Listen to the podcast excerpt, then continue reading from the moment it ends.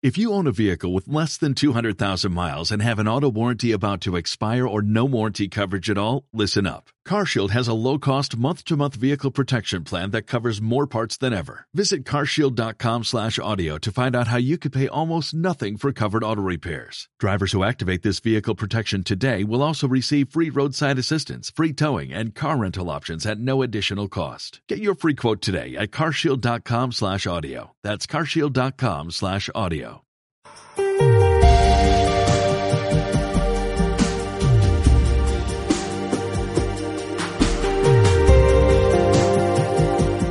Ara comença un espai que és una invitació a la saviesa i a l'amor. Parent-ho amb filosofia. Amb Josep Maria Carbó, filòsof i membre de l'Escola de Filosofia al Pou de Girona.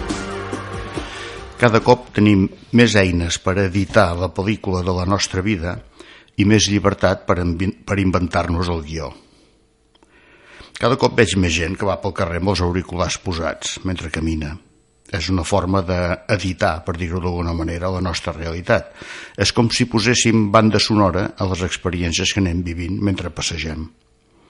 Potser a algú no li semblarà una bona cosa, que és com aïllar-se de la realitat, però ben mirat, l'única cosa que fa és ampliar les opcions sonores al dia a dia, perquè anar pel carrer sentint el tràfic dels cotxes o el so metàl·lic de les indústries tampoc és que sigui el millor dels fons sonors que puguem tenir. I pel que fa a les imatges, les imatges que configuren la pel·lícula de la nostra vida, la meva realitat és el que estic visquent en aquest moment, allà on estic, les imatges que estic veient ara mateix, però també és, forma part de la meva realitat el que veig si miro per la finestra. I també forma part de la meva realitat el que veig si miro per les finestres múltiples de les pantalles que m'envolten, de la tele, de l'ordinador, del meu mòbil. D'alguna manera puc escollir les imatges que veig, perquè tinc una gran oferta visual. Segur que la forma com la nostra ment construeix la realitat, amb, aquestes, amb aquests impressionants recursos audiovisuals, és ben diferent de com la vivien els nostres pares o els nostres avis però les opcions d'editar, per dir-ho així, la nostra vida, de construir la nostra pel·lícula, no es limiten només als aspectes formals o sensorials, sinó que també el guió, el sentit de la vida, el podem inventar nosaltres. Abans hi havia pocs guions de vida. Les religions n'oferien uns i amb escasses variants els adaptàvem a la nostra circumstància. Clar que també hi havia guions socials, humanistes, familiars, Quasi tothom es limitava a seguir-los i molt pocs gosaven fer un guió nou, inventar-se una nova, una nova narrativa sobre la vida. En canvi, avui tenim una gran diversitat de relats pel que fa a la pel·lícula de la nostra vida. Tenim una gran llibertat per escollir quin guió volem. Ja no cal que els altres els acceptin, ja no és important formar part d'una comunitat. Pots tenir el teu propi relat i tothom l'acceptarà si no l'afectes, clar en diuen respecte, però en realitat és relativisme interessat. Tampoc cal que el guió que segueixis a la teva vida sigui clàssic, ni que sigui identitari, ni que sigui raonable. Fixem-nos en aquest últim aspecte. Aquest requisit, el de la racionalitat, el de fer que la teva vida tingui una mena de sentit guiat per la raó, ha deixat de tenir validesa.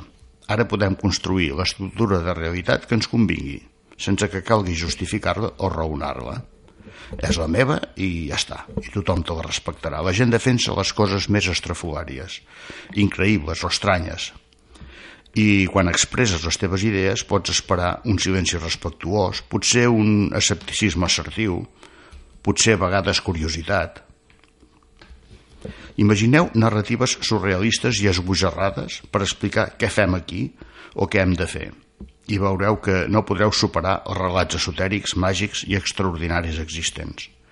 Clar que els relats religiosos tampoc tenien res de racionals, eren absolutament surrealistes, però semblava que ho havíem superat en la fase de la racionalitat.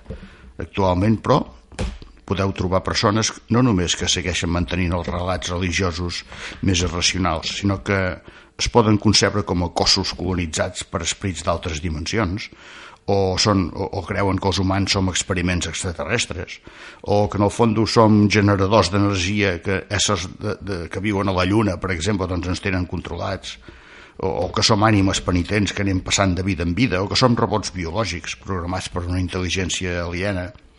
En fi, res que no sigui d'alguna manera variants estranyes o actuals de la irracionalitat religiosa que sempre hi ha hagut.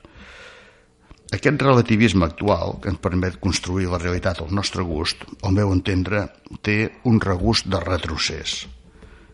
La raó havia jugat un pas important en l'evolució. Ara, però, superada per la necessitat de que les narratives tinguin certa coherència, assolim el poder sobre la nostra vida però segurament ens allunyem de la veritat, la veritat en majúscules, no la veritat subjectiva, i posem en risc els avenços que la racionalitat ens havia atorgat, sobretot pel que fa al tema de la igualtat, la llibertat i la justícia.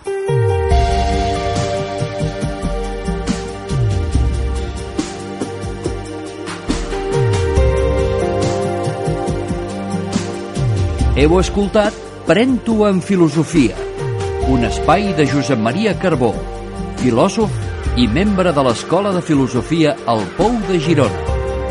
Podeu visitar el blog josepmariacarbó.blogspot.com.es o el web www.escoladefilosofia.rr.nu